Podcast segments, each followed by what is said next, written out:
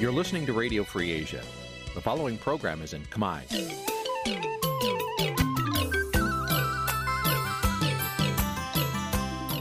Nǐ chi càm bi tiệp xáy vệt chiu a zì sê ray នេះជាកម្មវិធីផ្សាយរបស់ Vithu Azisari ជាភាសាខ្មែរ វត្តឈូអាស៊ីសេរីសូមស្វាគមន៍លោកអ្នកនាងទាំងអស់ពីរដ្ឋធានី Washington នៃសហរដ្ឋអាមេរិកបាទខ្ញុំបាទយ៉ងច័ន្ទដារា សូមជម្រាបសួរលោកអ្នកនាងអ្នកស្ដាប់វិទ្យុអាស៊ីសេរីទាំងអស់ជាទីមេត្រីខ្ញុំបាទសូមជូនកម្មវិធីផ្សាយសម្រាប់ព្រឹកថ្ងៃសៅរ៍មួយកើតខែមិញឆ្នាំថោះបัญចស័កពុទ្ធសករាជ2567ត្រូវនឹងថ្ងៃទី10ខែកុម្ភៈគ្រិស្តសករាជ2024បាទជាដំបូងនេះសូមអញ្ជើញអស់លោកអ្នកនាងស្ដាប់ព័ត៌មានប្រចាំថ្ងៃដែលមានមេត្តាដូចតទៅ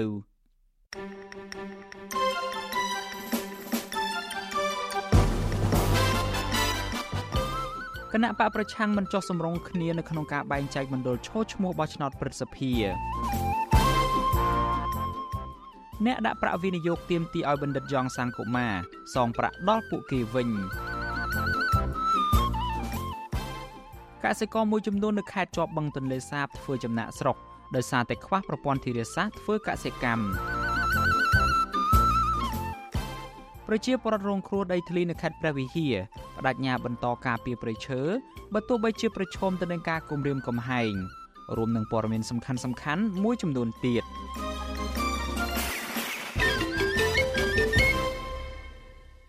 បាទជាបន្តទៅទៀតនេះខ្ញុំបាទយ៉ងច័ន្ទដារាសូមជូនព័ត៌មានទាំងនេះពឹស្ដាបលូននាងជាទីមេត្រីប្រធានគណៈបកឆន្ទៈខ្មែរដែលឈរឈ្មោះបោះឆ្នោតព្រឹទ្ធសភាជំនួសឲ្យគណៈបកភ្លើងទៀននោះអះអាងថា ឥឡូវនេះគឺហួសពេលហើយសម្រាប់ការចរចាជាមួយនឹងគណៈបកកម្លាំងជាតិនៅក្នុងការបែងចែកមណ្ឌលគ្នាឈរឈ្មោះបោះឆ្នោតព្រឹទ្ធសភាប្រធានគណៈបកឆន្ទៈខ្មែរលោកបណ្ឌិតសុកហាជឲ្យអាស៊ីសេរីដឹងកាលពីយប់ថ្ងៃទី9ខែកុម្ភៈថាគណៈបកឆន្ទៈខ្មែរឬគណៈបកភ្លើងទៀនលែងនិយាយពីរឿងបែងចែកមណ្ឌលឈរឈ្មោះបោះឆ្នោតជាមួយនឹងគណៈបកកម្លាំងជាតិទៀតហើយពីព្រោះថាពេលវេលាសម្រាប់ការបោះឆ្នោតគឺនៅខ្លីណាស់ លោកអះអាងថាការរួបរวมគ្នាណាមួយជាមួយនឹងអ្នកប្រជាធិបតេយ្យត្រូវរងចាំមើលរហូតដល់ឆ្នាំ2027សម្រាប់ការបោះឆ្នោតជាតិឆ្នាំ2028ខាងមុខការលើកឡើងរបស់លោកបណ្ឌិតសុកហាជនេះគឺនៅក្រៅពេលថ្នាក់ដឹកនាំគណៈបកកម្លាំងជាតិនិងគណៈបកភ្លើងទៀនតំណាងដោយគណៈបកឆន្ទៈខ្មែរបានជួបពិភាក្សាអំពីការបែងចែកមណ្ឌលបោះឆ្នោតព្រឹទ្ធសភាកាលពីថ្ងៃទី9ខែកុម្ភៈមិនបានជោគជ័យឆ្លើយតបទៅនឹងបញ្ហានេះ ប្រធានគណៈបកកម្លាំងជាតិលោកសុនចន្ទធីមានប្រសាសន៍ថាគណៈបកកម្លាំងជាតិសម្រាប់ឈរឈ្មោះបោះឆ្នោតព្រឹទ្ធសភាតែ2មណ្ឌលទេ គឺមណ្ឌល7និងមណ្ឌលភូមិភាគ8ដោយឡែកពីមណ្ឌលទី1ដល់ទី6គណៈបកកម្លាំងជាតិសម្បទានឲ្យទៅគណៈបកភ្លើងទៀន គណៈបកកម្លាំងជាតិចែកកាត់ចេញជារូបរៀងឡើងហើយគណៈបកកម្លាំងជាតិចូលរួមការបោះឆ្នោតគឺជំនួសឲ្យគណៈបកភ្លើងទៀនក៏ប៉ុន្តែគណៈបកភ្លើងទៀនបានតែជ្រើសរើសយកគណៈបកមួយជំនួសឲ្យគណៈបកភ្លើងទៀនដូច្នេះការដែលគណៈបក មួយដែលគណៈបកភ្លើងទៀនជ្រើសរើសមកប្រកួតជាមួយគណៈបកកម្លាំងជាតិអញ្ចឹងលទ្ធផលនឹងធ្វើឲ្យបាត់នៅចំនួនអាសនៈព្រឹទ្ធសភាដែលគណៈបកភ្លើងទៀនមានសប្តាហ៍ថ្ងៃអញ្ចឹងហើយបានយើងស្នើឲ្យមានការបែងចែកភូមិភាគទៅដើម្បីរក្សាកៅអីព្រឹទ្ធសភារបស់គណៈបកភ្លើងទៀនឲ្យបានគ្រប់ចំនួនទៅតាមសម្លេងប្រជាពលរដ្ឋដែលបានបោះឆ្នោតឲ្យគណៈបកភ្លើងទៀនកាលពីឆ្នាំ2022កន្លងទៅបាទការបោះឆ្នោតព្រឹទ្ធសភានឹងប្រព្រឹត្តទៅនៅថ្ងៃទី25ខែកុម្ភៈខាងមុខនេះ។ គណៈបកចំនួន4បានចូលរួមប្រគល់ប្រជែងការបោះឆ្នោតនេះគឺគណៈបកឆន្ទៈខ្មែរគណៈបកកម្លាំងជាតិគណៈបកហ៊ុនស៊ិនពេជ្រនិងគណៈបកប្រជាជនកម្ពុជាដោយឡែកគណៈបកឆន្ទៈខ្មែរនិងគណៈបកកម្លាំងជាតិកំពុងតែដណ្ដើមអង្គបោះឆ្នោតគ្នា ដែលជាសមាជិកក្រុមប្រឹក្សាឃុំសង្កាត់នៃគណៈបកភ្លើងទៀនដែលមានចំនួនជាង2000អាសនៈ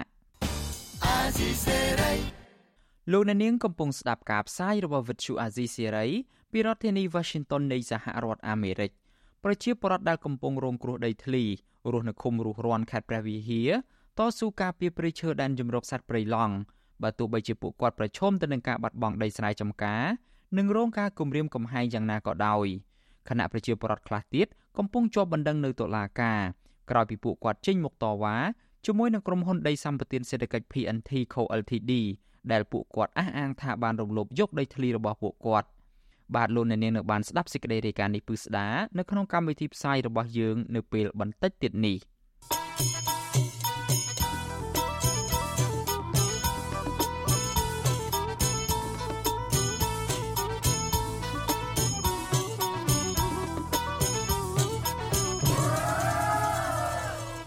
បាទលោកអ្នកនាងជាទីមេត្រីតកតងទៅនឹងជនភៀសខ្លួនខ្មែរដែលកំពុងជាប់ពន្ធនាគារនៅប្រទេសថៃឯនេះវិញ ក្រមពលករនិងក្រមគ្រួសារខកចិត្តចំពោះប៉ូលីសថៃដែលហាមឃាត់សាច់ញាតិនិងមិត្តភ័ក្តិមិនឲ្យចូលសួរសុខទុក្ខជនភៀសខ្លួនខ្មែរនៅក្នុងពន្ធនាគារក្នុងទីក្រុងបាងកកស្របពេលពួកគាត់អះអាងថាជនភៀសខ្លួនទាំងនោះនៅតែព្រួយបារម្ភពីបញ្ហាសវត្ថិភាពមន្ត្រីសិទ្ធិមនុស្សយល់ថាសហគមន៍អន្តរជាតិគួរតែបន្តជំរុញទៅរដ្ឋាភិបាលថៃឲ្យគោរពកាតព្វកិច្ចជាអន្តរជាតិជាពិសេសគោរពសិទ្ធិជនភៀសខ្លួនបាទនេះជាសេចក្តីរាយការណ៍ព័ត៌មានរបស់លោកច័ន្ទដារ៉ូ គ្រួសារនិងក្រុមពលករមិនពេញចិត្តនិងអាជ្ញាធរថៃអនុវត្តវិធានការរឹតបន្តឹង ចំពោះអ្នកចូលជួបជនភៀសខ្លួននៅក្នុងពន្ធនាគារពួកគេចាត់ទុកការអនុវត្តរបស់អាជ្ញាធរថៃបែបនេះ ជារឿងមិនត្រឹមត្រូវដោយសារកន្លងទៅពួកគេអាចជួបអ្នកជាប់ឃុំដោយគ្មានការរឹតបន្តឹង តំណាងពលករនិងជាជនភៀសខ្លួននៅប្រទេសថៃ លោកសុសល ប្រាប់បញ្ជាអាស៊ីសេរីថាក្រុមការងាររបស់លោក បានផ្ញើម្ហូបអាហារនិងសម្ភារៈមួយចំនួនដល់ជនភៀសខ្លួនខ្មែរកំពុងជាប់ឃុំ នៅថ្ងៃទី9ខែកុម្ភៈប៉ុន្តែលោកខកចិត្តចំពោះប៉ូលីសនៅពន្ធនាគារអន្តោប្រវេសន៍សួនភ្លូបានហាមមិនឲ្យចូលជួបជនភៀសខ្លួនបើទោះបីពួកលោក មានឯកសារត្រឹមត្រូវដោយលើកមុនយ៉ាងណាក្តី លោកស្នើដល់ប៉ូលីសថៃពិចារណាឡើងវិញ ដើម្បីកុំឲ្យសាច់ញាតិ និងមិត្តភ័ក្តិជនភៀសខ្លួនកាន់តែព្រួយបារម្ភនិងរងសម្ពាធផ្លូវចិត្តធ្វើការទៅសួរសុខទុក្ខនឹងដូចជាច្រើនដងគួសមដែរបន្ទាប់ពីបងប្អូនយើងកាលពីមុនរហូតដល់មកចាប់លោកសុខឿនជាមួយនឹងកូននេះទៀតក៏រឹតតែរឹតបន្តឹងថែមទៀតអត់មានហេតុផលអីទេគេប្រាប់តែមួយម៉ាត់ហ្នឹងដាច់ខាតតែម្ដងគេថា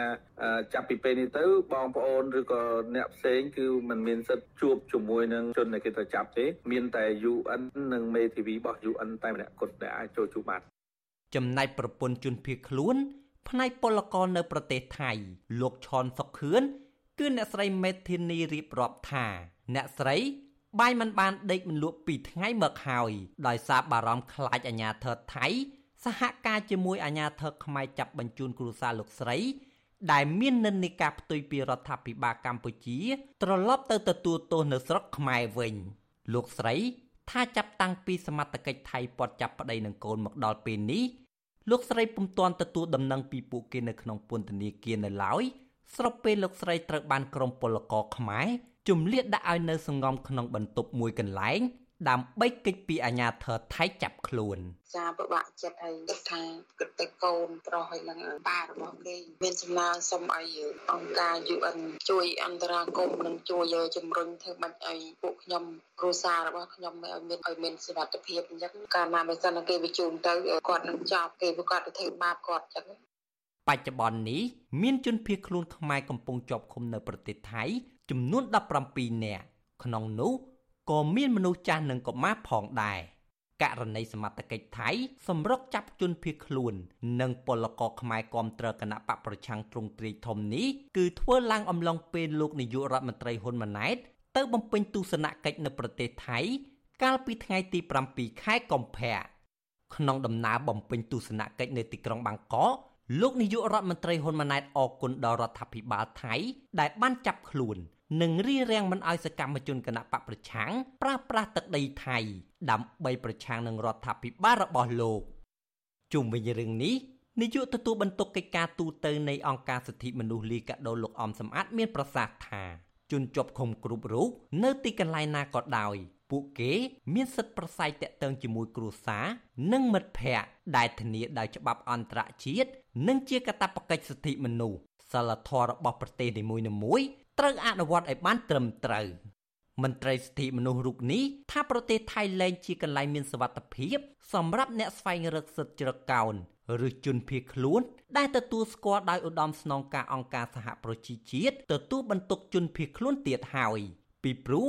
អាញាធរថៃកំពុងអនុវត្តផ្ទុយពីអនុសញ្ញានៃជនភៀសខ្លួន ដែលប្រទេសនេះបានទទួលស្គាល់កន្លងទៅ យើងក៏ដឹងហើយថាកម្ពុជានិងថៃមានកិច្ចសហប្រតិបត្តិការល្អនឹងគ្នាក៏ប៉ុន្តែថៃក៏ត្រូវគិតអំពីសិទ្ធិរបស់ជនភៀសខ្លួនដែលត្រូវបានធានានិងទទួលស្គាល់ដោយឧត្តមស្នងការអង្គការសហជីវជាតិទទួលបន្ទុកជនភៀសខ្លួនផងដែរបច្ចុប្បន្នមានជនភៀសខ្លួនខ្មែរប្រមាណ70នាក់កំពុងភៀសខ្លួននៅប្រទេសថៃដើម្បីកិច្ចពីការធ្វើទុកបុកម្នេញពីសំណាក់អាជ្ញាធរខ្មែរ ដោយសារតែពួកគេរិះគន់ពីភាពអសកម្មរបស់រដ្ឋាភិបាលកម្ពុជា និងកិច្ចខ្លួនពីការបង្ខំចុះចូលជាមួយគណៈបកកាន់អំណាចកន្លងទៅជនភៀសខ្លួនទាំងនោះតែងតែរងនៅអំពើហិង្សាវាយធ្វើបាប ការគំរាមកំហែងនិងប៉ុនប៉ងចាប់បញ្ជូនដាក់ពន្ធនាគារនៅកម្ពុជាជាដើមទង្វើទាំងនេះត្រូវបានអង្គការជាតិនិងអន្តរជាតិរិះគន់ហើយទាមទារឲ្យរដ្ឋាភិបាលកម្ពុជានិងថៃ បញ្ឈប់ការរំលោភបំពានសិទ្ធិជនភៀសខ្លួនជាបន្ទាន់ខ្ញុំបាទច័ន្ទដារោវុទ្ធុអាស៊ីសេរីអាស៊ីសេរីលោកអ្នកនាងជាទីមេត្រីវុទ្ធុអាស៊ីសេរីបានទទួលដំណឹងដ៏ក្រៀមក្រំមួយអតីតនិពន្ធនាយកមួយរូបរបស់យើងនៅភ្នំពេញគឺលោកអ៊ុំសារិន ដែលមានឈ្មោះនៅលើវិទ្យុថាកែវនិមលបានទទួលមរណភាពហើយ កាលពីថ្ងៃទី9ខែកុម្ភៈម្សិលមិញនេះដោយរោគគាពៀត យើងខ្ញុំសូមចូលរួមរំលែកទុកដល់ក្រុមគ្រួសាររបស់លោកអ៊ុំសារិននិងសូមបួងសួងឲ្យវិញ្ញាណក្ខន្ធរបស់លោកបានទៅដល់សុគតិភព បាទសូមអរគុណ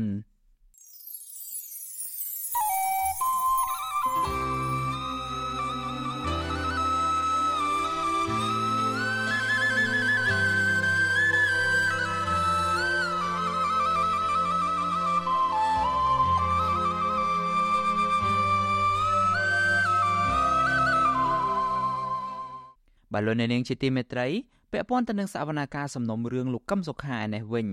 អ្នកជំនាញផ្នែកច្បាប់និងអ្នកសារព័ត៌មានលើកឡើងថាការរដ្ឋបិទសេរីភាពអ្នកសារព័ត៌មានមិនឲ្យចូលស្ដាប់ទៅលើសំណុំរឿងលោកកឹមសុខានេះនឹងប៉ះពាល់ដល់សិទ្ធិជំនុំជម្រះដោយយុត្តិធម៌ពួកគាត់លើកឡើងថាលោកកឹមសុខាគឺជាអ្នកនយោបាយដ៏សំខាន់ម្នាក់ដែលសាធារណជនចង់ដឹងពីដំណើរការកាត់ក្តីរបស់លោកបាទសូមលោកអ្នកនាងស្ដាប់សេចក្តីរាយការណ៍ព័ត៌មាននេះរបស់លោកសេកបណ្ឌិតដូចតទៅ អ្នកជំនាញច្បាប់និងអ្នកសារព័ត៌មានស្នើសាលាធរភ្នំពេញសូមឲ្យបង្កភាពងាយស្រួលដល់អ្នកសារព័ត៌មានយកព្រឹត្តិការណ៍ដែលកើតឡើងក្នុងសវនាការលើបណ្ដឹងចំទាស់របស់មេធាវីមេបកប្រឆាំងលោកកំសុខាលើសំណុំរឿងក្បត់ជាតិ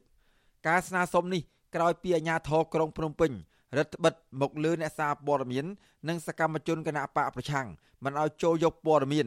ឬឈរគាំទ្រនៅខាងមុខសាលាធរភ្នំពេញចំនួន2ដងរួចមកហើយ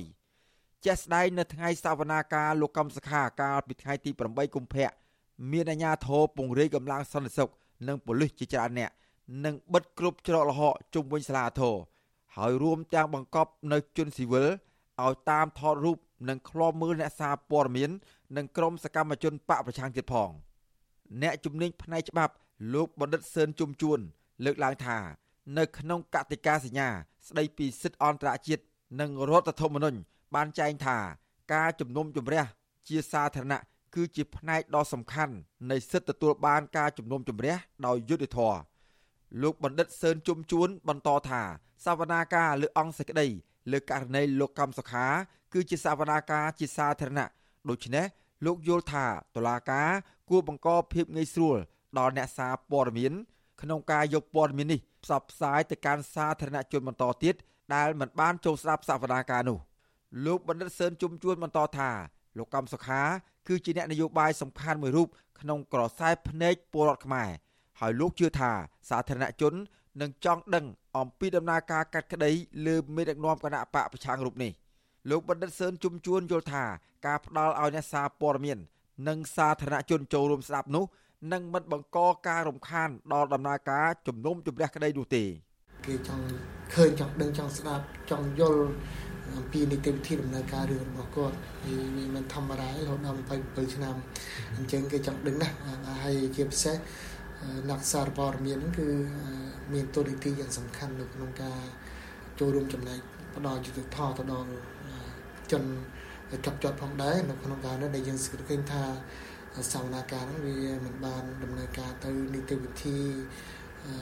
มันមានដំណាភាពវិជាដើមណាអ្នកសារព័ត៌មានមួយរូបថ្លែងក្នុងលក្ខខណ្ឌសុំមិនបញ្ចេញឈ្មោះថាសាលាធរបានរឹតបន្តឹងអ្នកសារព័ត៌មានទោះបីអ្នកសារព័ត៌មានទាំងនោះបានចុះឈ្មោះហើយក្តីក៏មន្ត្រីតុលាការថាមិនមានកន្លែងអង្គុយគ្រប់គ្រាន់ដែរលោកថាការរដ្ឋបិទបែបនេះ បានធ្វើឲ្យអ្នកសារព័ត៌មានមិនអាចរាយការណ៍ពីការលើកឡើងរបស់តំណាងអាយកា និងចៅក្រមទៅកាន់លោកកំសខានោះទេការប៉ះពាល់មួយចំនួនដល់ការធ្វើស្ដីការព័ត៌មានដោយសារតែយើងអត់បានចូលបានស្ដាប់នៅអ្វីដែលជាការសួរដេញដោលក្នុងសវនកម្មអញ្ចឹងអញ្ចឹងទៅការរីកាព័ត៌មានក៏ឯកទៅលើមន្ត្រីសង្គមស៊ីវិលខ្លះដែលគាត់ចូលរួមហើយនឹងមេសហមេធាវីរបស់លោកកឹមសុខាធម្មតាខ្ញុំចង់ឲ្យមានការបើកនិយាយដើម្បីឲ្យនិយាយមួយសម្រាប់អ្នកភាសាគឺឲ្យគាត់អាចធ្វើស្ដីការវាមាន គ្រប់ឈុងអញ្ចឹងណាពីសម្ដីរបស់ខាងចៅក្រមឬក៏ពីខាងភាគីដែលប្តឹងផ្ដាល់គ្នាអញ្ចឹងណាវិទ្យុអាស៊ីសេរីនៅមិនទាន់អាចសុំការអធិប្បាយពីអ្នកនាំពាក្យសាលាធរលោកខុនលៀងម៉េងជុំវិញសំណុំរឿងរបស់លោកកម្មសខានេះបានទេនៅថ្ងៃទី9មករាសាលាដំបងរាជធានីភ្នំពេញកាលពីថ្ងៃទី3ខែកុម្ភៈឆ្នាំ2023បានផ្ដន់ទាទោសលោកកម្មសខាដាក់ពន្ធនាគាររយៈពេល27ឆ្នាំ ពីបទសន្តិទ្ធិភាពជាមួយរដ្ឋបរទេសឬខុបខិតត្រូវរូវគ្នាជាមួយបរទេសដែលត្រូវបានចោទប្រកាន់តាំងពីឆ្នាំ2017មកតុលាការបានដាក់បំរាមមិនឲ្យលោកកម្មសខាធ្វើនយោបាយមិនឲ្យចេញពីផ្ទះមិនអនុញ្ញាតឲ្យជួបបរទេសលើកលែងតែមានការអនុញ្ញាតពីតុលាការខ្ញុំបាទសេកបណ្ឌិតវុទ្ធុអាស៊ីសេរីពីរដ្ឋធានីវ៉ាស៊ីនតោន លោកនាងកំពុងស្ដាប់ការផ្សាយរបស់វិទ្យុអាស៊ីសេរីពីរដ្ឋធានី Washington នៃសហរដ្ឋអាមេរិកដំណើរធម្មយាត្រាលើកកម្ពស់សិទ្ធិមនុស្សនិងស្នើឲ្យតុលាការដោះលែងអ្នកទោសមនសិការទាំងអស់ឲ្យមានសេរីភាពវិញរបស់បដិប្រគុណសំកំសាទនិងលោកអុកពេជ្រសំណាងបានមកដល់ស្រុកបាគងខេត្តសៀមរាបហើយកាលពីថ្ងៃទី9ខែកុម្ភៈម្សិលមិញនេះមន្ត្រីអង្គការសង្គមស៊ីវិលយល់ថាអាញាធរពពាន់ទាំងអស់គួរតែជួយសម្រួលដល់ដំណើរធម្មយាត្រារបស់ព្រះអង្គសំកំសាទ ពីព្រោះដំណើរផ្សាយមេត្តាចិត្តឲ្យអ្នកនយោបាយចេះរួបរวมគ្នានេះគឺជារឿងសំខាន់ធម្មយាត្រារបស់ព្រះដេចប្រគុណសំកំសាទនិងសកម្មជនសង្គមលោកអុកពេជ្រសំណាងឆ្ពោះទៅកាន់ភ្នំអត្តរៈនៅក្នុងខេត្តកំពង់ស្ពឺបានបន្តដំណើរមកដល់ខេត្តសៀមរាបហើយបើទោះបីជាក្នុងដំណើរផ្សព្វផ្សាយពីសិលធម៌សង្គមនិងលើកកម្ពស់សិទ្ធិមនុស្សនេះរងការឃ្លាំមើលពីសំណាក់អាជ្ញាធរយ៉ាងណាក្តីព្រះដេចប្រគុណសំកំសាទមានធរៈដីកាប្រាប់វិទ្យុអាស៊ីសេរី នៅថ្ងៃទី9ខែកុម្ភៈថាព្រះអង្គនិមន្តមកដល់ខេត្តសៀមរាបហើយដោយពុំឃើញអាជ្ញាធរនៅក្នុងខេត្តនេះរារាំងដំណើររបស់ព្រះអង្គឡើយព្រះអង្គមានធរៈដីកាបន្តថាព្រះអង្គចង់ឃើញអ្នកនយោបាយទាំងអស់ចេះរួបរวมសាមគ្គីគ្នាដើម្បីអភិវឌ្ឍប្រទេសជាជាងចាត់ទុកអ្នកមានទស្សនៈនយោបាយផ្ទុយជាសត្រូវ។ ការធ្វើធម្មយិត្រានឹងហើយក៏ឲ្យបណ្ដាខេត្តអភិបាលគណៈអភិបាលខេត្តជួយ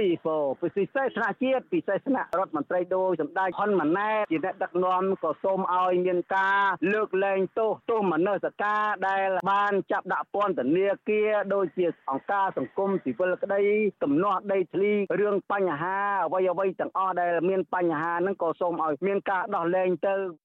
ដំណើរធម្មយាត្រាផ្សព្វផ្សាយពីសិលធម៌សង្គមលើកកម្ពស់សិទ្ធិមនុស្សនិងស្នើឲ្យរដ្ឋាភិបាលដោះលែងអ្នកទោសមនសិការនេះមានការចូលរួមក្លំមើលពីមន្ត្រីសិទ្ធិមនុស្សនិងមានអាជ្ញាធរតាមថតរូបព្រះអង្គផងដែរនៅតាមផ្លូវក៏មានប្រជាពលរដ្ឋមួយចំនួន បានប្រគេនចង្ហាន់និងភេសជ្ជៈដល់ព្រះដេចប្រគុណសំកំសាទព្រមទាំងគាំទ្រសកម្មភាពរបស់ព្រះអង្គនេះដែរតកតងទៅនឹងរឿងនេះនាយកទទួលបន្ទុកកិច្ចការទូតទៅ នៃអង្គការឃ្លាំមើលសិទ្ធិមនុស្សលីកាដូលោកអំសំអាត មានប្រសាសន៍ថាដំណើរធម្មយាត្រារបស់ព្រះដេចព្រះគុណសំកំសាទគឺជារឿងល្អនៅក្នុងការអប់រំឲ្យប្រជាពលរដ្ឋយល់ដឹងពីសិទ្ធិមនុស្សនិងសិលធម៌សង្គមលោកសង្កេតឃើញថា បញ្ហាសិទ្ធិមនុស្សនៅកម្ពុជា នៅតែជាបញ្ហារសើបដែលធ្វើឲ្យមានមតិរិះគន់ពីជាតិនិងអន្តរជាតិដូច្នេះរដ្ឋាភិបាលគួរតែមានការដោះស្រាយឲ្យបានឆាប់រហ័ស ដំណើរធម្មយាត្រារបស់ព្រះអង្គនេះវាជាការចូលរួមចំណែកមួយនៅក្នុងសង្គមចឹងទាំងអាជ្ញាធរក៏ដូចជាពលរដ្ឋគួរតែចូលរួមនៅក្នុងការលើកកម្ពស់ទៅលើបញ្ហាសិលធម៌ក្នុងសង្គមទៅតាមអ្វីដែលព្រះអង្គធ្វើធម្មយាត្រាដើម្បីឲ្យបងប្អូនប្រជាពលរដ្ឋលោកបញ្យលអំពីសិលធម៌ក្នុងសង្គមក៏ដូចជាការគោរពសិទ្ធិមនុស្សទាំងបាទកាលពីថ្ងៃទី3ខែកុម្ភៈ អាជ្ញាធរស្រុកជើងព្រៃនៃខេត្តកំពង់ចាមបានគម្រាមចាប់សឹកប្រដេចប្រគុណសំកំសាទនៅពេលដែលព្រះអង្គធ្វើធម្មយាត្រាឆ្លងកាត់ខេត្តនេះ។ក៏ប៉ុន្តែបើទោះជាបែបនេះក្តីព្រះអង្គអះអាងថាសកម្មភាពធ្វើទុកបុកម្នេញលើព្រះអង្គមិនអាចឲ្យព្រះអង្គតក់ស្លុតនោះឡើយ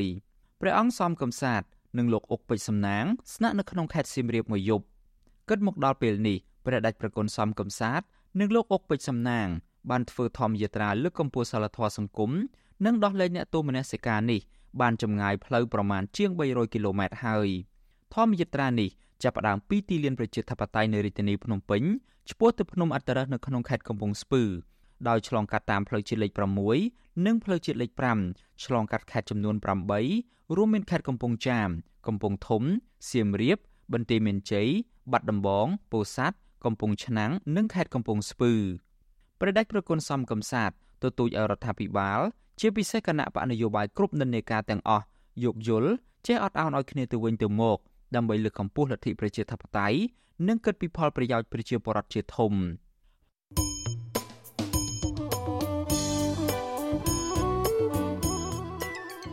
លោកអ្នកនាងជាទីមេត្រីដំណើរគ្នានឹងស្ដាប់ការផ្សាយរបស់ Vuthu Azizi Serai តាមបណ្ដាញសង្គម Facebook YouTube និង Telegram លោកអ្នកនាងក៏អាចស្ដាប់កម្មវិធីផ្សាយរបស់យើងតាមរយៈវិទ្យុរលកថេដាកាខ្លីឬក៏ Shortwave បានដែរគឺតាមកម្រិតនិងកម្ពស់ដូចតទៅនេះពេលព្រឹកចាប់ពីម៉ោង5កន្លះដល់ម៉ោង6កន្លះតាមរយៈប៉ុស SW 93.90 MHz ស្មើនឹងកម្ពស់ 32m និងប៉ុស SW 11.85 MHz ស្មើនឹងកម្ពស់ 25m ពេលយប់ចាប់ពីម៉ោង7កន្លះដល់ម៉ោង8កន្លះ តាមរយៈប៉ុស SW 93.90 MHz ស្មើនឹងកម្ពស់ 32m ប៉ុស SW 11.88 MHz ស្មើនឹងកម្ពស់ 25m និងប៉ុស SW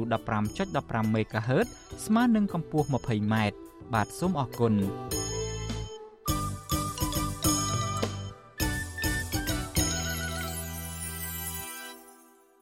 លោកអ្នកនាងកំពុងស្ដាប់ការផ្សាយរបស់ Vuthu Azizi Serai ពីរដ្ឋធានី Washington នៃសហរដ្ឋអាមេរិកអ្នកដាក់ប្រាក់វិនិយោគជាមួយនឹងរដ្ឋលេខាធិការក្រសួងកសិកម្មបណ្ឌិតយ៉ងសាងកូម៉ាបានធ្វើយុទ្ធនាការចេញមុខទាមទារឲ្យរដ្ឋលេខាធិការក្រសួងកសិកម្មរូបនេះសងប្រាក់ត្រឡប់ទៅដល់ពួកគាត់វិញដោយពួកគាត់អះអាងថាត្រូវការប្រាក់ដើម្បីដោះស្រាយបញ្ហាជីវភាពប្រចាំថ្ងៃមន្ត្រីសង្គមស៊ីវិលលើកឡើងថាបើមានកិច្ចសន្យាគ្រប់ភាគីទាំងអស់គឺត្រូវតែគោរពនិងដោះស្រាយទៅតាមកិច្ចសន្យានោះ បាទនេះជាសេចក្តីរាយការណ៍ព័ត៌មានរបស់កញ្ញាខណ្ឌលក្ខណាអ្នកដាក់ប្រាក់វិនិយោគលើគម្រោងមួយចំនួនជាមួយរដ្ឋលេខាធិការក្រសួងកសិកម្មលោកបណ្ឌិតយ៉ងសង្គមា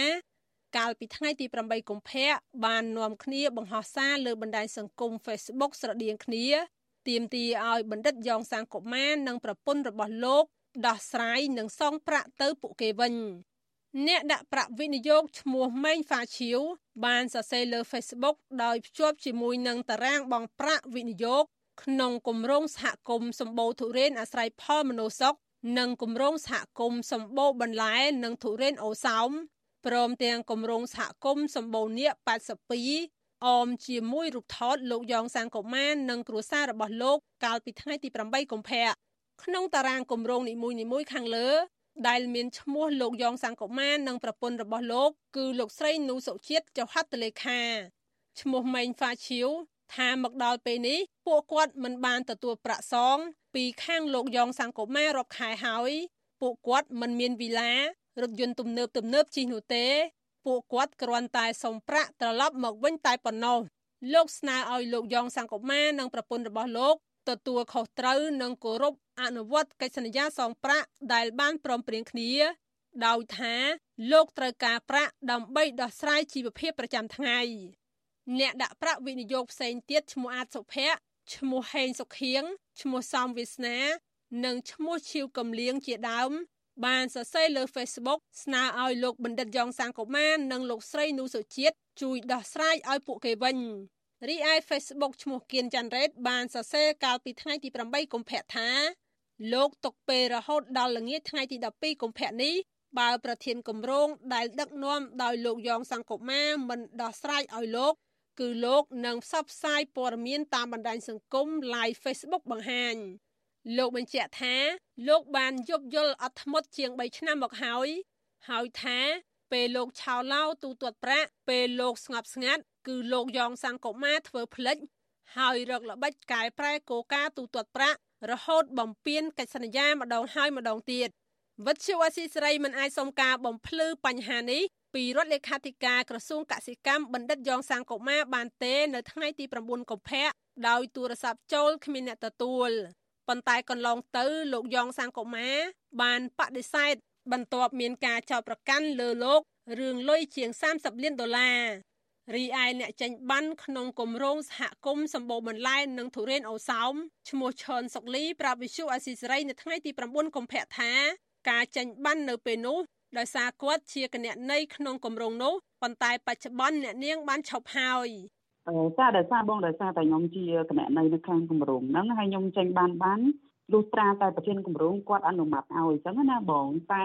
ខ្ញុំឈប់ពីគម្រោងយូរហើយបងអញ្ចឹងខ្ញុំ អស់ទួនាទីនៅក្នុងនឹងទៀតណាបងនាយកទទួលបន្ទុកកិច្ចការទូតនៃអង្គការការពារសិទ្ធិមនុស្សលីកាដូលោកអមសំអាតប្រាប់វិសុអស៊ីសេរីនៅថ្ងៃទី9កុម្ភៈថាបើមានកិច្ចសន្យាគ្រប់ភាគីទាំងអស់ត្រូវគោរពនិងដោះស្រាយទៅតាមកិច្ចសន្យាបើយើងនិយាយតាមពីកាតព្វកិច្ចនិងតាមផ្លូវច្បាប់ អញ្ចឹងកាលណាតែមានកិច្ចសន្យាបើតាមផ្លូវច្បាប់វាត្រូវមានបញ្ហាត្រូវអនុវត្តទៅតាមកិច្ចសន្យា ដែលបានចែងមកហ្នឹងណាត្រូវដោះស្រាយគ្នាគឺទៅតាមកិច្ចសន្យាហ្នឹងហើយហ្នឹងគឺអ្វីអ្វីបើយើងនិយាយពីវិនិយោគឬក៏ភាគចំណេញឬក៏ផលប៉ះពាល់ដែលកើតឡើងដោយការវិនិយោគហ្នឹងវាទី1គឺត្រូវយកកិច្ចសន្យាហ្នឹងមកដោះស្រាយតាមផ្លូវច្បាប់ជាមុនណាកាល ពីពេលថ្មីថ្មីម្ចាស់គណនីប៉ែនជីវ័នជាញឹកញាប់តែងបង្ហោះសាររិះគន់លើបណ្ដាញសង្គមតាក់ទងនឹងភាពអយុត្តិធម៌សង្គមនិងអំពើពុករលួយជាដើមក្នុងនោះកាលពីថ្ងៃទី18ខែមករាម្ចាស់គណនីរូបនេះបានបង្ហោះសារថាលោកព្រៀបកុលបានកັບកេងលុយជាង80លានដុល្លារម្ចាស់គណនីប៉ែនជីវ័នដែលគ្រប់គ្រងដោយលោកយ៉ងប៉ាក់ ក៏បានបង្ហោះសារទម្លាយរឿងរបស់រដ្ឋលេខាធិការក្រសួងកសិកម្មលោកយ៉ងសាងកុមារដែលទៅចុះចូលជាមួយគណៈបកកណ្ដាលអំណាចថាបានជាប់ពាក់ព័ន្ធនឹងលុយជាង30លានដុល្លារក្រោយពីម្ចាស់គណនីប៉ាន់ជីវ័នបានទម្លាយរឿងនេះត្រូវសមត្ថកិច្ចចាប់និងបញ្ជូនទៅឃុំខ្លួននៅពន្ធនាគារបន្ទាប់ពីរដ្ឋមន្ត្រីប្រតិភូអមនាយករដ្ឋមន្ត្រីនិងជាអតីតប្រធានអង្គការក្រៅរដ្ឋាភិបាលដ៏មានឈ្មោះល្បីម្នាក់ គឺលោកព្រៀបកុលបានប្តឹងលោកប៉ាន់ជីវ័នឬលោកយ៉ងប៉ាគណៈបណ្ឌិតយ៉ងសាងកូម៉ាបដិសេធនិងបង្ហាញការហួសចិត្តលើការចោទប្រកាន់ចំពោះរូបលោករឿងលុយ30លានដុល្លារយ៉ាងណាក្រុមអ្នកដាក់ប្រាក់វិនិយោគក្នុងគម្រោងជាមួយបណ្ឌិតយ៉ងសាងកូម៉ាសរសេរថាពួកគេនឹងតស៊ូទាមទារលុយដាក់វិនិយោគជាមួយបណ្ឌិតយ៉ងសាងកូម៉ាមកវិញដោយថាលុយពិបាករកណាស់ហើយពួកគេត្រូវការលុយ ដើម្បីយកមកដោះស្រាយបញ្ហាជីវភាពប្រចាំថ្ងៃអតីតប្រធានគណៈកម្មាធិការនយោបាយគណៈបកប្រជាធិបតេយ្យមូលដ្ឋានលោកបណ្ឌិតយ៉ងសានកូម៉ាត្រូវបានអតីតនាយករដ្ឋមន្ត្រីលោកហ៊ុនសែនផ្ដល់តំណែងជារដ្ឋលេខាធិការក្រសួងកសិកម្មបន្ទាប់លោកសូមចូលរួមជីវភាពនយោបាយជាមួយគណៈបកប្រជាជនកម្ពុជាកាលពីខែវិច្ឆិកាឆ្នាំ2022ខ្ញុំខណ្ឌលក្ខណាវុទ្ធុអាស៊ីសេរីបាទលោកនាងជាទីមេត្រី ពាក់ព័ន្ធទៅនឹងបញ្ហាខ្វះទឹកធ្វើស្រែចម្ការរបស់ប្រជាពលរដ្ឋនៅខេត្តជាប់បឹងទន្លេសាបវិញប្រជាកសិករមួយចំនួនបានបង្ខំចិត្តធ្វើចំណាក់ស្រុកជាបន្តបន្ទាប់ដោយសារតែការប្រកបរបរធ្វើកសិកម្មមិនអាចឲ្យពួកគាត់រកប្រាក់ចំណូលទូទាត់ថ្លៃចំណាយប្រចាំថ្ងៃនិងដកបំណុលគេគ្រប់គ្រាន់បានឡើយពួកគាត់ឲ្យដឹងថាបញ្ហាខ្វះប្រព័ន្ធធារាសាស្ត្រធ្វើកសិកម្មគឺជាផ្នែកមួយដែលធ្វើឲ្យពលរដ្ឋធ្វើចំណាក់ស្រុកបាទសូមលោកអ្នកនាងស្ដាប់សេចក្តីរាយការណ៍ព័ត៌មាននេះ របស់លោកហុំចម្រើនដូចតទៅកសិកររស់នៅខេត្តសៀមរាបកំពង់ឆ្នាំងនិងខេត្តពោធិ៍សាត់អស់សង្ឃឹមក្នុងការប្រកបមុខរបរចិញ្ចឹមជីវិតដោយសារគ្មានទឹកស្រោចស្រពនិងខ្វះប្រព័ន្ធធារាសាស្ត្រជាដើមប្រការនេះធ្វើឲ្យកសិករជាច្រើន បង្ខំចិត្តធ្វើចំណាក់ស្រុកជាបន្តបន្ទាប់កសិកររស់នៅឃុំអញ្ចាញរូងស្រុកបរិបូរខេត្តកំពង់ឆ្នាំងអ្នកស្រីពេញអាចប្រាប់វិទ្យុអាស៊ីសេរីនៅថ្ងៃទី9កុម្ភៈថា ពេលនេះស្រែប្រាំងរបស់កសិករក្នុងឃុំអញ្ចាញរូងយ៉ាងហោចណាស់500ហិកតាស្វិតងាប់ជាបន្តបន្ទាប់ធ្វើឲ្យកសិករជាច្រើនគ្រួសារកំពុងប្រឈមខាតបង់បញ្ហានេះអ្នកស្រីថាធ្វើឲ្យកសិករបាក់ទឹកចិត្តហើយត្រូវបង្ខំចិត្តធ្វើចំណាក់ស្រុកដើម្បីរកប្រាក់សងបំណុលគេ ខ្លះចិត្តប្រមូលផលហើយអាខ្លះនៅទឹកចាប់ផ្ដើមផើមត្រូវវាគង់ផើមអីអាខ្លះអត់ចេញមួយមួយហើយខ្លះក្នុងគ្នាចាស់ចិត្តចាស់ហើយទៅអស់លីងចិត្តចាស់ហ្នឹងក៏នៅមើលឃើញថាអស់សង្ឃឹមមកគាត់មួយមានអីបើគាត់នៅផ្ទះហ្នឹងថាបានអីសងពីអញ្ចឹងគាត់ចិត្តទៅចំណែកឯនៅខេត្តពោធិ៍សាត់ឯនោះវិញស្រូវប្រាំងជាច្រើនហិកតានៅតែបន្តក្រៀមស្វិតជាច្រើនថ្ងៃមកហើយនិងស្រូវប្រាំងខ្លះទៀតងាប់ជាបន្តបន្ទាប់ ដោយសារខ្វះទឹកស្រោចស្រពរីឯការអន្តរាគមជួយសង្គ្រោះស្រូវប្រាំងរបស់អាជ្ញាធរមានតិចតួចនៅឡើយពួកគាត់សោកស្ដាយស្រូវប្រាំងជាច្រើនហិកតាចាប់ផ្ដើមចេញផ្កាបែរជាស្វិតងាប់កសិកររស់នៅឃុំតាឡូស្រុកតាឡូសានជ័យខេត្តពោធិ៍សាត់អ្នកស្រីនួនមុំឲ្យដឹងថាពេលនេះកសិករតិចតួចប៉ុណ្ណោះដែលទទួលបានផលច្រើន ពីការធ្វើស្រែប្រាំងដោយសារដីស្រែរបស់ពួកគាត់នៅគៀកប្រឡាយទឹក រីឯកសិករភៀកច្រើនធ្វើស្រែប្រាំងនៅឆ្ងាយពីប្រឡាយមេប្រឈមខ្វះទឹកបណ្ដាលឲ្យងាប់ស្រូវស្ទើរទាំងស្រុងរីឯនៅខេត្តសៀមរាបកសិកររស់នៅគៀកតំបន់បឹងទន្លេសាបភៀកច្រើនមិនសូវធ្វើស្រែប្រាំងនោះទេដោយសារខ្វះប្រព័ន្ធធារាសាស្ត្រដោយពួកគាត់ធ្វើស្រែបានតែម្ដងប៉ុណ្ណោះក្នុងមួយឆ្នាំហើយដីស្រែរាប់ម៉ឺនហិកតាទៀតទុកទំនេរចោលកសិករនៅស្រុកអង្គរជុំខេត្តសៀមរាប លោកសៀបវ៉ាន់ប្រាប់វិទ្យុអាស៊ីសេរីថាកូនកូនរបស់លោកចំនួន8នាក់រួមទាំងកូនប្រសាធ្វើចំណាក់ស្រុកទៅប្រទេសថៃដើម្បីរកប្រាក់ដោះបំណុលគេលោកថាកសិករភៀកច្រើនបោះបង់របរធ្វើកសិកម្មហើយនាំគ្នាទៅប្រទេសថៃស្ងាត់ភូមិនៅសល់តែមនុស្សវ័យចំណាស់និងកុមារចាំផ្ទះលោកបន្ថែមថាដីស្រែរបស់លោកទំហំ3ហិកតាធ្វើស្រែបានតែម្ដងប៉ុណ្ណោះក្នុងមួយឆ្នាំដោយសារខ្វះប្រព័ន្ធធារាសាស្ត្រ បនយើងទៅលស្ងាត់ពូរៀបដែលមាននៅទេណាក៏ទៅណាក៏ទៅអ្នកនៅតិចណាប៉ុន្តែមានប្រព័ន្ធរាសាស្ត្របានគ្រប់គ្រាន់នោះគឺត្រេប្រាំងទៅនៅកកកហើយមកចំណាត់ស្រកទៅណាដូចថាយើងអត់ទៅមានមុខរបរទៅចេញមកថាយើងមានថាមានពីរអាងថាមានរាសាស្ត្រទឹកអាចវាមានបបោធ្វើត្រេប្រាំងបាន ដាំដំណាំបានមានអុយយកស្រកដែរបានទ្រីហានោះធ្វើអាស្រែប្រាំងធ្វើតែដំណាំលក់គោកសបាយទាំងអស់គ្នាបាទចំណាត់ស្រកអុយណាវិទ្យុអាស៊ីសេរីមិនអាចតាក់ទងសុំការបំភ្លឺរឿងនេះពីអ្នកនាំពាក្យក្រសួងធនធានទឹកលោកច័ន្ទយុធានិងអ្នកនាំពាក្យក្រសួងកសិកម្មកញ្ញាអឹមរចនាបាននៅឡើយទេនៅថ្ងៃទី9កុម្ភៈ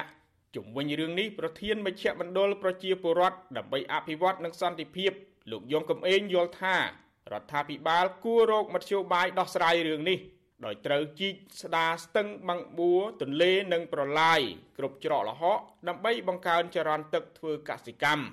នៅកម្ពុជាមានទន្លេមួយយ៉ាងធំដែលល្បីល្បាញដែរហើយយើងមានស្ទឹងបឹងបួរជាច្រើនបាទបើសិនជាយើងមានការស្ដារទៅវាអាចជួយបានច្រើនបាទត្រូវដាក់លុយទៅស្ដារស្ទឹងបឹងបួរទាំងអស់ហ្នឹងបាទឡើងវិញបាទដើម្បីយកទឹកប្រើប្រាស់ ជួយដល់កសិករបាទកុំត្រឡប់វាបាទកាលណាត្រឡប់លក់ដីលក់អីហ្នឹងបាទឬក៏ទៅលំពៀនយកដីស្ទឹងបឹងបួរហ្នឹងគឺអាហ្នឹងគឺអត់អាចដោះស្រាយបញ្ហាទឹកជូនកសិករបានទេបាទមន្ត្រីសង្គមស៊ីវិលរូបនេះបន្ថែមថាបច្ចុប្បន្នទឹកស្ទឹងបឹងបួរអូនិងប្រឡាយភ ieck ច្រើនគោករាក់ខ្វះការយកចិត្តទុកដាក់ថែទាំនិងជីស្ដាក៏ជាផ្នែកមួយធ្វើឲ្យកសិករជួបការលំបាក និងបោះបង់មុខរបរនេះហើយធ្វើចំណាក់ស្រុក។កសិករបន្ថែមថាឆ្នាំមុនមុនពួកគាត់ធ្វើស្រែប្រាំងមានទឹកគ្រប់គ្រាន់ក៏ប៉ុន្តែពេលប្រមូលផលស្រូវប្រាំងបែរជាចុះថោកក៏ប៉ុន្តែឆ្នាំនេះនៅពេលស្រូវមានតម្លៃថ្លៃបែរជាខ្វះទឹកធ្វើស្រែធ្វើឲ្យពួកគាត់ជួបការលំបាកផ្ទួនផ្ទួន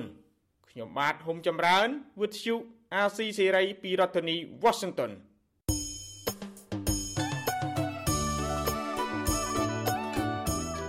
លោកអ្នកនាងជាទីមេត្រីក្រៅពីការតាមដានកម្មវិធីផ្សាយរបស់ Vuthu Azizi Serai នៅតាមបណ្ដាញសង្គម Facebook YouTube និង Telegram លោកអ្នកនាងក៏អាចតាមដានកម្មវិធីផ្សាយរបស់យើងនៅតាមរយៈបណ្ដាញ Instagram បានដែរតាមរយៈតំណ link ដែលមានអាសយដ្ឋាន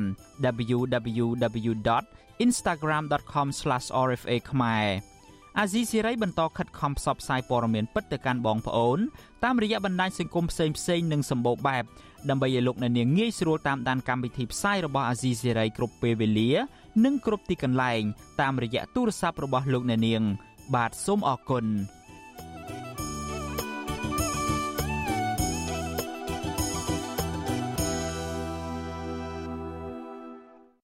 បាទលោកអ្នកនាងជាទីមេត្រីយើងងាកមកចាប់អារម្មណ៍ពាក់ព័ន្ធទៅនឹងបញ្ហាយុត្តិធម៌ឯនេះវិញក្រុមអ្នកខ្លាំមើលលើកឡើងថាការបង្កើតគណៈកម្មការពង្រឹងប្រព័ន្ធយុត្តិធម៌នឹងធ្វើឲ្យមានភាពសាមញ៉ាំនិងគ្មានប្រសិទ្ធភាពឡើយដោយសារតែសមាជិករបស់គណៈកម្មការនេះមានកោតាចេញពីគណៈបកកណ្ដាលអំណាចពួកគាត់លើកឡើងថារដ្ឋាភិបាលគួរតែពង្រឹងតួនាទីនិងការងាររបស់ស្ថាប័នអនុវត្តច្បាប់ដែលមានស្រាប់ជាជាងបង្កើតគណៈកម្មការច្រើនក្នុងស្ថាប័នតែមួយបាទលោកទីនសាការីយ៉ា សូមជូនសេចក្តីរាយការណ៍ពឹស្ដារអំពីរឿងនេះដូចតទៅមន្ត្រីគណៈបកប្រឆាំងមិនរំពឹងថាការបង្កើតគណៈកម្មការធ្វើកំណែតម្រង់ប្រព័ន្ធយុទ្ធធរជាបន្តបន្តមកនេះនឹងអាចជួយលើកស្ទួយប្រព័ន្ធយុទ្ធធរបានល្អប្រសើរជាងមុននោះឡើយដោយសារតែស្ថាប័នដែលបង្កើតថ្មីនិងស្ថាប័នចាស់ស្ថិតនៅក្នុងរចនាសម្ព័ន្ធគ្រប់គ្រងតែមួយទីប្រឹក្សាគណៈបកកម្លាំងជាតិលោករងឈុនប្រាវិទ្យាអសិរ័យកាលពីថ្ងៃទី9កុម្ភៈថាកំណែតម្រង់ប្រព័ន្ធយុទ្ធធរ ដែលរដ្ឋាភិបាលបានបង្កើតឡើងហាក់មានភាពចម្រុងចម្រាស់និងសាំញ៉ាំពីព្រោះគណៈកម្មការធ្វើកំណែតម្រង់ប្រព័ន្ធយុទ្ធធរបែរជាស្ថិតនៅក្រោមការគ្រប់គ្រងរបស់ក្រសួងយុទ្ធធរដោយខ្លួនឯងដែលចំណុចនេះមានន័យថាក្រសួងយុទ្ធភ័ពពង្រីកស្ថាប័នដើម្បីកំណែតម្រង់ខ្លួនឯង នៅលើទូរទស្សន៍ដែលមានស្រាប់បើជាទស្សនៈរបស់ខ្ញុំក្នុងនាមគណៈបកកម្លាំងជាតិវាមិនចាំបាច់បង្កើតគណៈកម្មការសាមញ៉ាំសុពីងសំពងច្រើនទេបាទសំខាន់អ្នកដែលគ្រប់គ្រងស្ថាប័នដូចជាស្ថាប័នយុតិធធហ្នឹងរដ្ឋមន្ត្រីហើយយុតិធធហ្នឹងថាតើមានសេចក្តីក្លាហានក្នុងការវះកាត់ប្រប៉ុន្មានហើយថ្នាក់លើពីរដ្ឋមន្ត្រីហ្នឹងថាផ្ដល់អំណាចឲ្យគាត់ប្រប៉ុន្មានក្នុងការអាកាត់ ការលើកឡើងបែបនេះគឺបន្ទាប់ពីព្រះមហាក្សត្រសម្ដេចព្រះបរមនាថនរោត្តមសីហមុនី កាលពីថ្ងៃទី8កុម្ភៈបានចេញប្រតិក្រិតតែងតាំងសមាជិកនៃគណៈកម្មាធិការដឹកនាំការកែតម្រង់ប្រព័ន្ធយុទ្ធធរដោយមានរដ្ឋមន្ត្រីក្រសួងយុទ្ធធរលោកកើតរិទ្ធនិងប្រធានតុលាការកំពូលលោកជីវកេងជាសហប្រធាននិងសមាជិកថ្នាក់ដឹកនាំតាមស្ថាប័នផ្សេងផ្សេងទៀតដែលពួកគេមួយចំនួនជាមន្ត្រីជាន់ខ្ពស់នៅក្នុងជួរគណៈបកប្រជាជនកម្ពុជា និងខ្លះទៀតស្និទ្ធនឹងគណៈបកកណ្ដាលអំណាចក ន្លងមករដ្ឋាភិបាលនីតិកាលទី7បានបង្កើតគណៈកម្មការដើម្បីធ្វើកំណែតម្រង់ប្រព័ន្ធយុទ្ធធរជាច្រើនមកហើយមានដូចជាគណៈកម្មការដឹកនាំនិងអនុវត្តយុទ្ធនាការត្រួតពិនិត្យនិងដោះស្រាយភាពមិនប្រក្រតីនៅតាមតុលាការគណៈកម្មាធិការដឹកនាំការកែតម្រង់ប្រព័ន្ធយុទ្ធធរនិងគណៈកម្មាធិការសម្រាប់សម្រួលថ្នាក់ជាតិប្រឆាំងនឹងការសម្អាតប្រាក់និងហិរញ្ញប្បទានភេរវកម្មនិងហិរញ្ញប្បទានដល់ការរីកសាយភាយអាវុធមហាប្រឡាយជាដើម។ ទោះបីជាបែបនេះក្តីអ្នកខ្លំមើលលើកឡើងថាការបង្កើតគណៈកម្មការច្រើនស្អេកស្កះបែបនេះអាចនឹងប៉ះពាល់ដល់ព្រះរាជកិច្ចរបស់ព្រះមហាក្សត្រពីព្រោះថៃចៅក្រមនិងព្រះអាញាគឺស្ថិតនៅក្រោមម្ដំប្រឹក្សានៃអង្គចៅក្រមដែលមានព្រះមហាក្សត្រជាព្រះប្រធានក្នុងការត្រួតពិនិត្យនិងដាក់ពិន័យលើចៅក្រមនិងព្រះរាជអាជ្ញាពួកគាត់ថាការបង្កើតគណៈកម្មការនេះក៏អាចធ្វើឲ្យមានភាពច្របូកច្របល់ផងដែរដោយក្រសួងយុទ្ធភ័ព មានឱកាសជឿជ្រែកនៅក្នុងការងារក្រសួងដទៃទៀតអ្នកសិក្សាកិច្ចការសង្គមនិងនយោបាយលោកប៉ៅមេក្រាយល់ឃើញថាការបង្កើតគណៈកម្មការដើម្បីកែលម្អប្រព័ន្ធយុទ្ធធម៌របស់រដ្ឋាភិបាលនីតិកាលទី7នេះប្រៀបបានទៅនឹងការពង្រីកទូនាទីនិងកន្លែងការងារជាជាងការផ្ដោតទៅលើគុណភាពការងារ។ ដូច្នេះដើម្បីកុំឲ្យវាមានគេហៅថាមានឥទ្ធិពលមានបញ្ហាមួយទៅដល់ស្ថាប័នរដ្ឋហ្នឹងអញ្ចឹងទូនទីរបស់គណៈបកនយោបាយឬក៏សមាជិកគណៈបកនយោបាយដែលដែលផ្ដល់ទៅឲ្យមន្ត្រីទៅតាមក្រសួងហ្នឹងគួរតែលុបបំបាត់ចោលកុំឲ្យវាមានដើម្បីឲ្យអនុវត្តការងារពិសេសគឺនៅស្ថាប័នតុលាការហ្នឹងកុំឲ្យអនុវត្តទៅវាមានការលំអៀងទៅក្នុងអកតេទាំង4ណារបាយការណ៍ស្ដីពីសន្ទុះនីតិរដ្ឋប្រចាំឆ្នាំ2022 របស់អង្គការគម្រោងយុទ្ធធម៌ពិភពលោក បង្ហាញថាកម្ពុជាជាប់ចំណាត់ថ្នាក់អាក្រក់បំផុតរហូតដល់បាតតារាង គឺនៅលេខរៀង139ក្នុងចំណោម140ប្រទេសគឺគ្រាន់បើតែជាងប្រទេសវេណេស៊ុយអេឡាតែប៉ុណ្ណោះអ្នកខ្លំមើលលើកឡើងថាការបង្កើតគណៈកម្មការដើម្បីកែតម្រង់យុទ្ធធរត្រូវជន់គ្នានេះគឺជាការសម្ដែងដើម្បីកុហកបរិបទខ្លួនឯងនិងសហគមន៍អន្តរជាតិតែប៉ុណ្ណោះពួកគាត់ថាជំហានដំបូង ដើម្បីកែលម្អប្រព័ន្ធយុទ្ធធរគឺការដាក់ឲ្យស្ថាប័នអនុវត្តច្បាប់ស្ថិតនៅឯក្រិចនិងមិនបំរើផលប្រយោជន៍ឲ្យគណៈបកនយោបាយណាមួយឡើយខ្ញុំបាទទីនសាការីយ៉ាស៊ីសេរី ប្រធានាធិបតី Washington អាស៊ីសេរីបាទលោកនាងជាទីមេត្រីពាក់ព័ន្ធទៅនឹងបញ្ហាសុខភាពឯនេះវិញមជ្ឈមណ្ឌលប្រយុទ្ធនឹងបង្ការជំងឺឆ្លង CDC របស់សហរដ្ឋអាមេរិកបដិញ្ញាបន្តជួយដល់ក្រសួងសុខាភិបាលកម្ពុជា លើកម្មវិធីសុខភាពសាធារណៈនិងផែនការលុបបំបាត់ជំងឺគ្រុនចាញ់ឲ្យអស់នៅក្នុងឆ្នាំ2025ខាងមុខបាទការបដិញ្ញានេះធ្វើឡើងនៅក្នុងជំនួបពិភាក្សាការងាររវាងរដ្ឋមន្ត្រីក្រសួងសុខាភិបាល លោកឈៀងរ៉ានិងអ្នកស្រីវិជ្ជបណ្ឌិត Mandy Cohen នាយិកានៃមជ្ឈមណ្ឌលប្រយុទ្ធនឹងបង្ការជំងឺឆ្លង CDC របស់សហរដ្ឋអាមេរិកកាលពីថ្ងៃទី7ខែកុម្ភៈកន្លងទៅនៅក្នុងជំនួបនេះដែរអ្នកស្រីវិជ្ជបណ្ឌិត Cohen ក៏បានរំលឹកពីកិច្ចសហការជាដៃគូរវាងសហរដ្ឋអាមេរិកនិងកម្ពុជាអស់រយៈពេល22ឆ្នាំមកហើយអ្នកស្រីបន្តថាកិច្ចសហប្រតិបត្តិការភាពជាដៃគូរបស់ CDC សហរដ្ឋអាមេរិកបានជួយកម្ពុជាប្រកបដោយប្រសិទ្ធភាពនៅក្នុងការប្រឆាំងទៅនឹងជំងឺអេដជំងឺរបេងគ្រុនចាញ់ផ្ដាសាយនិងជំងឺឆ្កែឆ្កួតរដ្ឋាភិបាលអាមេរិកតាមរយៈមជ្ឈមណ្ឌល CDC និងទីភ្នាក់ងារសហរដ្ឋអាមេរិកដទៃទៀតផ្នែកសុខភាពបានជួយដល់រដ្ឋាភិបាលកម្ពុជា ដើម្បីឆ្លើយតបភ្លាមៗនិងមានប្រសិទ្ធភាពបំផុតចំពោះការផ្ទុះឡើងវិញនៃជំងឺ Covid-19 ប្រធានវិទ្យាស្ថានជីវសាស្ត្រវិទ្យាសាស្ត្រនិងកសិកម្មនៃរាជបណ្ឌិតសភាកម្ពុជា លោកនុតសម្បត្តិលើកឡើងថា សហរដ្ឋអាមេរិកគឺជាប្រទេសខ្លាំងទៅលើការស្រាវជ្រាវជំងឺឆ្លង និងមានបទពិសោធន៍ច្រើនប្រយុទ្ធប្រឆាំងទៅនឹងជំងឺឆ្លងដូច្នេះតាមរយៈកិច្ចសហប្រតិបត្តិការនេះនឹងអាចរួមចំណែកពង្រឹងសមត្ថភាពនិងបណ្ដុះបណ្ដាលធនធានមនុស្សផ្នែកសុខាភិបាល នៅក្នុងដំណើរទស្សនកិច្ច2ថ្ងៃចាប់ពីថ្ងៃទី7និងថ្ងៃទី8កុម្ភៈអ្នកស្រីវិជ្ជមណ្ឌិតកូហែនបានទៅទស្សនានៅមន្ទីរពេទ្យកុមារជាតិមន្ទីរពិសោធន៍នៅវិទ្យាស្ថានជាតិសុខភាពសាធារណៈមជ្ឈមណ្ឌល CDC កម្ពុជាសារមន្ទីរប្រល័យពូជសាសន៍ទួលស្លែងព្រមទាំងទៅមើលកន្លែងលក់សត្វបក្សីរស់នៅផ្សារអូរិស័យជាដើមបាទលោកអ្នកនាងជាទីមេត្រីតកតងទៅនឹងរឿងសុខភាពនេះដែរសមាជិកសភាចំនួន10រូបមកពីប្រទេសដាណឺម៉ាកណ័រវេ និងស៊ុយអែតបានបញ្ចប់បេសកកម្មរយៈពេល4ថ្ងៃនៅកម្ពុជាដើម្បីពិនិត្យមើលកម្មវិធីមួយចំនួនដែលគ្រប់គ្រងពីបណ្ដាប្រទេសទាំងនេះកម្មវិធីទាំងនោះរួមមានក្រុមហ៊ុនវ៉ាក់សាំង Gavi ដែលផ្ដល់វ៉ាក់សាំងបង្ការជំងឺឆ្លងដល់កុមារកម្មវិធីមូលនិធិពិភពលោកសម្រាប់ប្រយុទ្ធប្រឆាំងទៅនឹងជំងឺអេដរបេងនិងជំងឺគ្រុនចាញ់និងកម្មវិធីនានារបស់អង្គការ UNICEF សេចក្តីប្រកាសព័ត៌មានរបស់អង្គការ UNICEF កាលពីថ្ងៃទី9ខែកុម្ភៈឲ្យដឹងថា គណៈប្រតិភូទាំង10រូបនោះបានទៅពិនិត្យកម្មវិធីមួយចំនួននៅខេត្តសៀមរាបនិងនៅភូមិបណ្ដែតទឹកមាត់ខ្លា នៅតំបន់បឹងទន្លេសាបដើម្បីពង្រឹងប្រព័ន្ធសុខាភិបាល និងបញ្ហាប្រឈមមួយចំនួនរួមមានជំងឺឆ្លងគ្រប់ប្រភេទសម្រាប់កុមារបាទកម្មវិធីនេះក៏បានផ្ដល់កិច្ចគាំពារសុខភាពដល់មេដានិងទារកដូចជាការចាក់ថ្នាំបង្ការ ការថែទាំគ័រនៅមុន និងក្រោយពេលសម្រាលកូនអាហារូបត្ថម្ភផ្សព្វផ្សាយពីសុខភាពផ្លូវភេទនិងបន្តពូជ ព្រមទាំងធ្វើតេស្តរោគជំងឺគ្រុនចាញ់នៅសហគមន៍ដាច់ស្រយាលរបស់ពួកគេ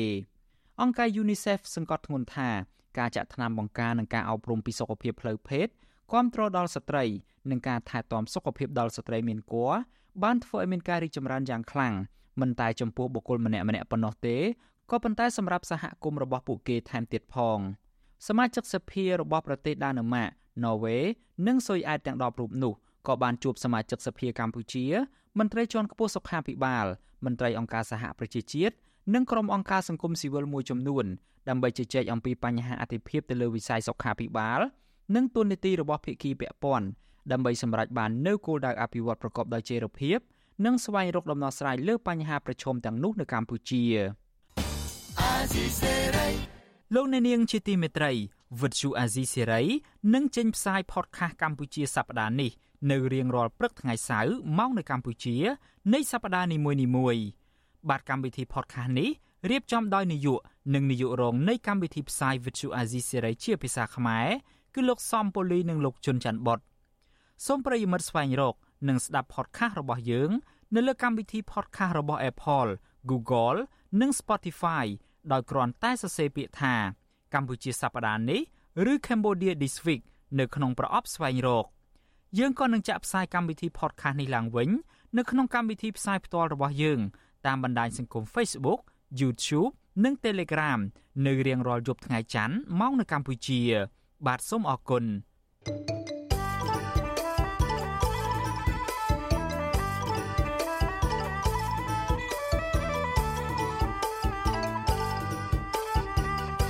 បាទលោកអ្នកនាងជាទីមេត្រីពាក់ព័ន្ធទៅនឹងរឿងផ្លាស្ទិកនិងបរិស្ថានឯនេះវិញ កម្ពុជាបាននាំចូលផលិតផលផ្លាស្ទិកនិងជ័រកៅស៊ូចំនួនទឹកប្រាក់1000លានដុល្លារអាមេរិកនៅក្នុងឆ្នាំ2023ដែលបានថយចុះចំនួន11%បើធៀបទៅនឹងកាលពីឆ្នាំ2022ដែលមានទឹកប្រាក់ជាង1200លានដុល្លារនាយកផ្នែកសេដ្ឋកិច្ចអន្តរជាតិនៃរាជបណ្ឌិតសភាកម្ពុជា លោកហុងវណ្ណៈប្រាប់កាសែតភ្នំពេញប៉ុស្តិ៍ថា ការថយចុះនេះ គឺបណ្ដាលមកពីកត្តាមួយចំនួនរួមមានការបង្កើនការផលិតធនធានជ័រកៅស៊ូនៅក្នុងស្រុកជាជាងការនាំចូល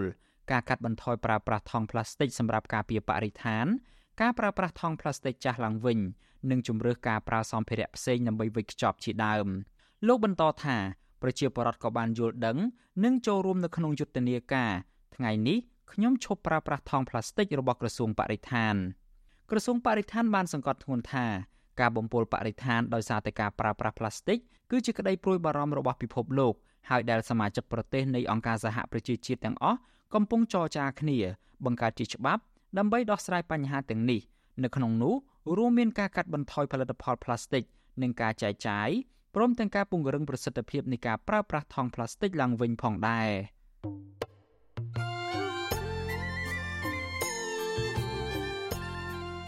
លោកអ្នកនាងជាទីមេត្រី នៅក្នុងឱកាសនេះដែរខ្ញុំបាទសូមថ្លែងអំណរគុណដល់លោកអ្នកនាងកញ្ញាទាំងអស់ដែលតែងតែមានភក្ដីភាពចំពោះការផ្សាយរបស់យើងហើយចាត់ទុកការស្ដាប់វិទ្យុអាស៊ីសេរីគឺជាផ្នែកមួយនៃសកម្មភាពប្រចាំថ្ងៃរបស់លោកអ្នកនាងគឺការគ្រប់គ្រងរបស់លោកអ្នកនាងនេះហើយដែលធ្វើឲ្យយើងខ្ញុំមានទឹកចិត្តកាន់តែខ្លាំងក្លាថែមទៀតនៅក្នុងការស្វែងរកនិងផ្តល់ព័ត៌មានជូនលោកអ្នកនាង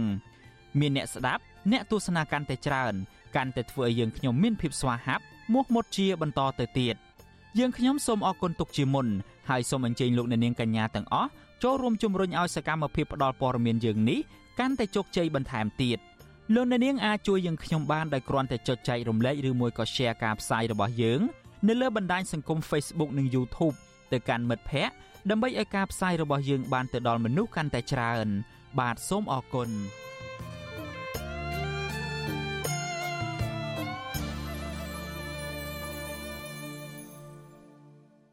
លោកអ្នកនាងកំពុងស្ដាប់ការផ្សាយរបស់ Vuthu Azizi Serai ពីរដ្ឋធានី Washington នៃសហរដ្ឋអាមេរិក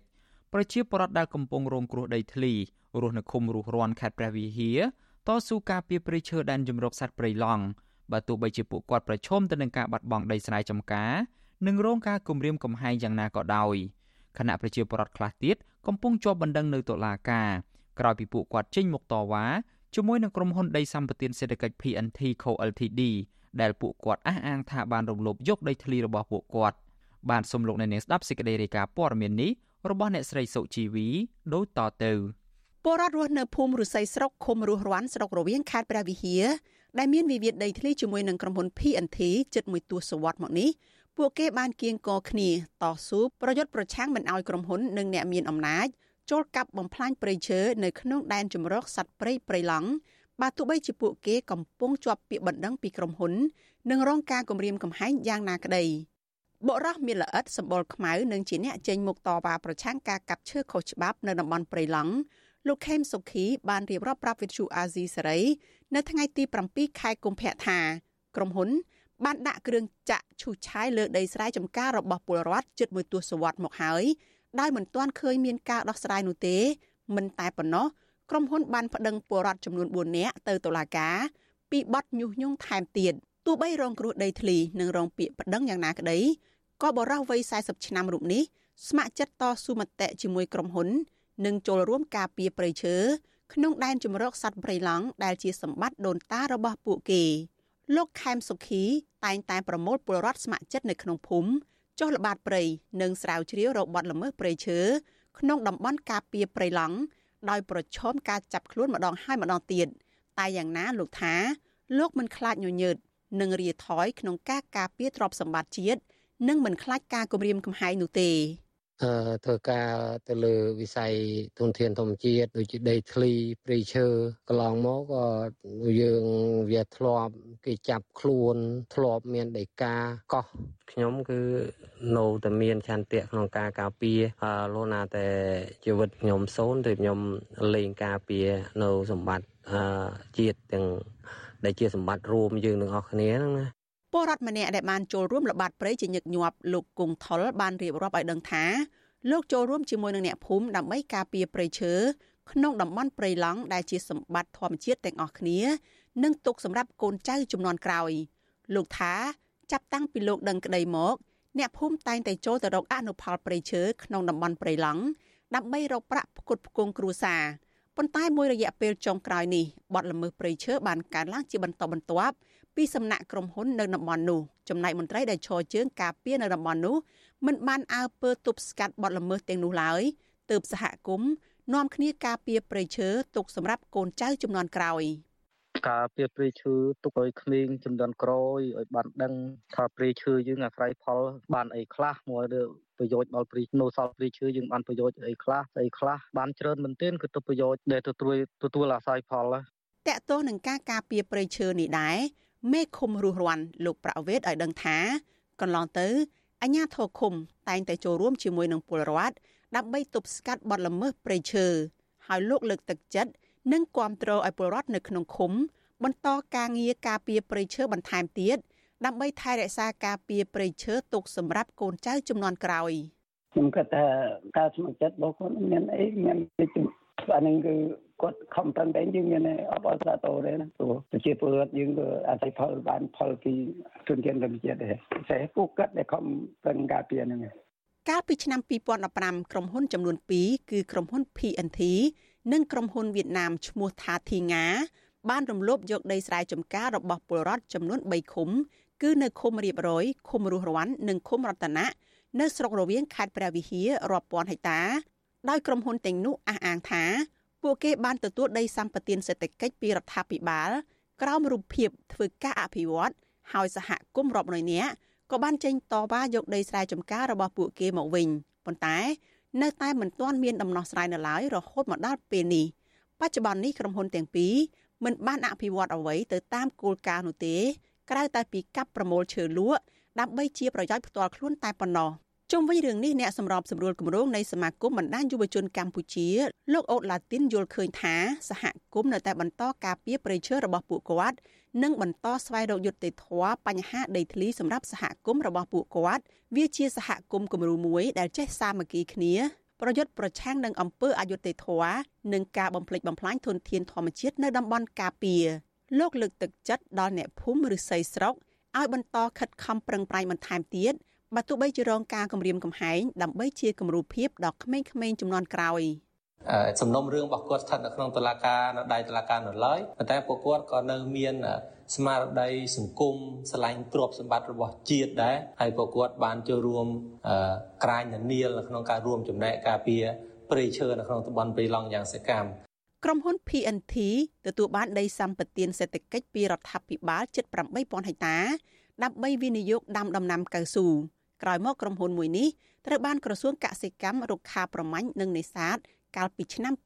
2020អនុញ្ញាតឲ្យក្រុមហ៊ុន Michael Logistics របស់លោកសយសុផលធ្វើការកាប់ប្រមូលអនុផលព្រៃឈើនៅក្នុងតំបន់2និងតំបន់3និងតំបន់4នៃដីសម្បត្តិសេដ្ឋកិច្ចរបស់ក្រុមហ៊ុន PNT នេះតំបន់ទាំងនេះមានទីតាំងជាប់តំបន់ព្រៃឡង់ស្រុករវៀងខេត្តព្រះវិហារក្រុមសកម្មជនបរិស្ថាននិងប្រជាសហគមន៍បានរកឃើញថា បរិវេណក្រុមហ៊ុន PNT បានក្លាយជាកន្លែងស្តុកឈើខុសច្បាប់របស់ក្រុមហ៊ុន Michael Logistics ដែលបានបញ្ជូនកម្មកររាប់រយនាក់ចូលទៅកាប់ឈើនៅក្នុងតំបន់ការពារព្រៃឡង់សហគមន៍បានអំពាវនាវនឹងរាយការណ៍ទៅក្រសួងពាក់ព័ន្ធជាច្រើនសារដើម្បីឲ្យមានការទប់ស្កាត់ប៉ុន្តែស្ថាប័នដែលទទួលខុសត្រូវទាំងនេះមិនត្រឹមតែមិនយកចិត្តទុកដាក់ចាត់វិធានការដើម្បីបង្ក្រាបបទល្មើសព្រៃឈើប៉ុណ្ណោះទេថែមទាំងហាមឃាត់មិនឲ្យសហគមន៍ចូលល្បាតព្រៃ នៅក្នុងតំបន់ព្រៃឡង់ថែមទៀតប៉ុន្តែអ្នកភូមិឬស័យស្រុកនៅតែក្រាញននៀលចុះល្បាតការពីព្រៃនៅតំបន់ព្រៃឡង់រហូតក្រុមហ៊ុនផ្អាកសកម្មភាពចូលកាប់ឈើទ្រង់ទ្រីធំ នៅក្នុងតំបន់ព្រៃឡង់មួយរយៈនាងខ្ញុំសុជីវីវិទ្យុអាស៊ីសេរីពីរដ្ឋធានី Washington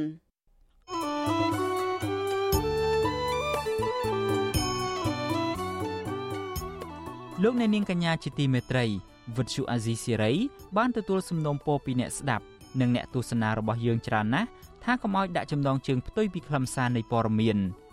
ឧទាហរណ៍ដូចជាដាក់ចំណងជើងថា Vivo ហើយលោកហ៊ុនសែនត្រូវតុលាការព្រហ្មទណ្ឌអន្តរជាតិ ICC យកទៅកាត់ទោសជាដើមក៏ប៉ុន្តែនៅពេលចុចស្ដាប់ទៅមិនលឺនិយាយអំពីរឿងនេះសោះបាទយើងខ្ញុំសូមជម្រាបជូនថាការដាក់ចំណងជើងខុសពីខ្លឹមសារទាំងនេះគឺជាការបោកប្រាស់របស់ក្រុមអ្នករកស៊ីតាម YouTube ដើម្បីរកលុយតែប៉ុណ្ណោះពួកគេបានលួចយកខ្លឹមសារនៃការផ្សាយរបស់ Vuthu Azizi Siri ទៅកាត់តរួចក៏បដូរចំណងជើងទៅតាមរបៀបប្លែកៗហួសហេតុខុសពីការពិតនៅក្នុងគោលបំណងតាក់ទាញចិត្តរបស់លោកអ្នកនាងកញ្ញាឲ្យទៅចុចស្ដាប់ឬទស្សនាដើម្បីបាន view ឬក៏បានចំនួនអ្នកចូលទស្សនាច្រើនមានអ្នកចុចស្ដាប់កាន់តែច្រើនពួកគេក៏កាន់តែរកប្រាក់បានច្រើនតាមនោះដែរវិទ្យុអាស៊ីសេរីមិនដែលដាក់ចំណងជើងខុសពីខ្លឹមសារនោះទេ លោកអ្នកនាងកញ្ញាអាចចូលរួមទប់ស្កាត់ការបោកប្រាស់ទាំងនេះបានដោយឈប់ចុចស្ដាប់ឬក៏ទស្សនាការចុះផ្សាយណាដែលដាក់ចំណងជើងខុសប្លែកគួរឲ្យសង្ស័យទាំងនេះជាពិសេសទៅទៀតនោះដើម្បីស្ដាប់ឬមួយក៏ទស្សនាការផ្សាយពិតរបស់វិទ្យុអាស៊ីសេរីសូមលោកអ្នកនាងចូលទៅក្នុង Channel របស់អាស៊ីសេរីតែម្ដង ដែលមានអាសយដ្ឋាន www.youtube.com/@rfa ខ្មែរបាទសូមអរគុណ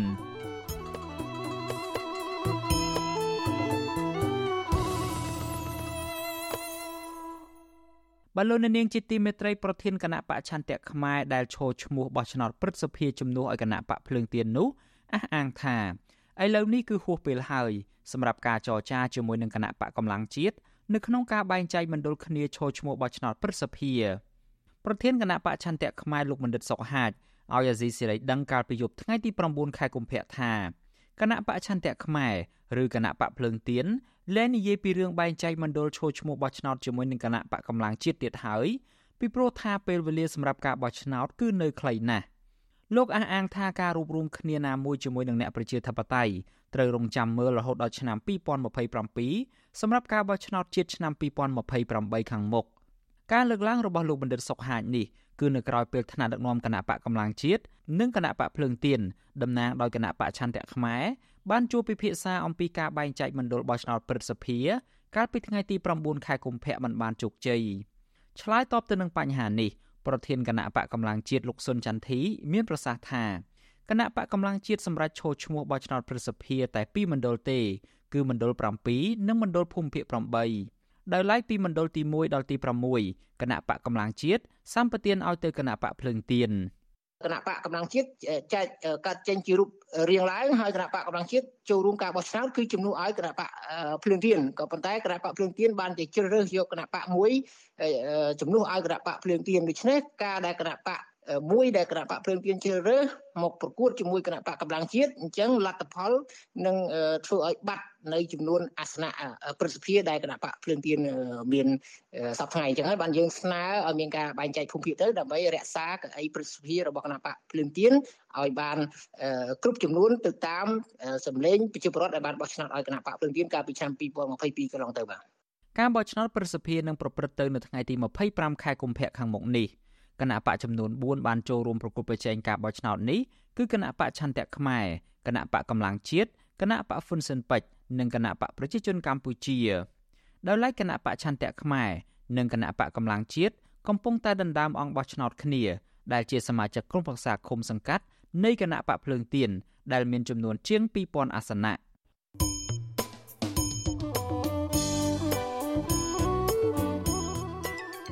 លោកអ្នកនាងជាទីមេត្រីដំណើរគ្នានឹងស្ដាប់ការផ្សាយរបស់ Vuthu Azizi Serai តាមបណ្ដាញសង្គម Facebook YouTube និង Telegram លោកអ្នកនាងក៏អាចស្ដាប់កម្មវិធីផ្សាយរបស់យើងតាមរយៈ Vuthu រលកថេដាកាខ្លី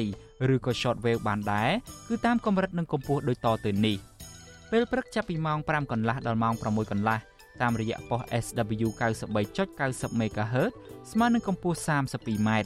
និងប៉ុស SW 11.85 MHz ស្មើនឹងកម្ពស់ 25m ពេលយប់ចាប់ពីម៉ោង7កន្លះដល់ម៉ោង8កន្លះតាមរយៈប៉ុស SW 93.90 MHz ស្មើនឹងកម្ពស់ 32m ប៉ុស SW 11.88 MHz ស្មើនឹងកម្ពស់ 25m និងប៉ុស SW 15.15 MHz ស្មើនឹងកម្ពស់ 20m បាទសូមអរគុណ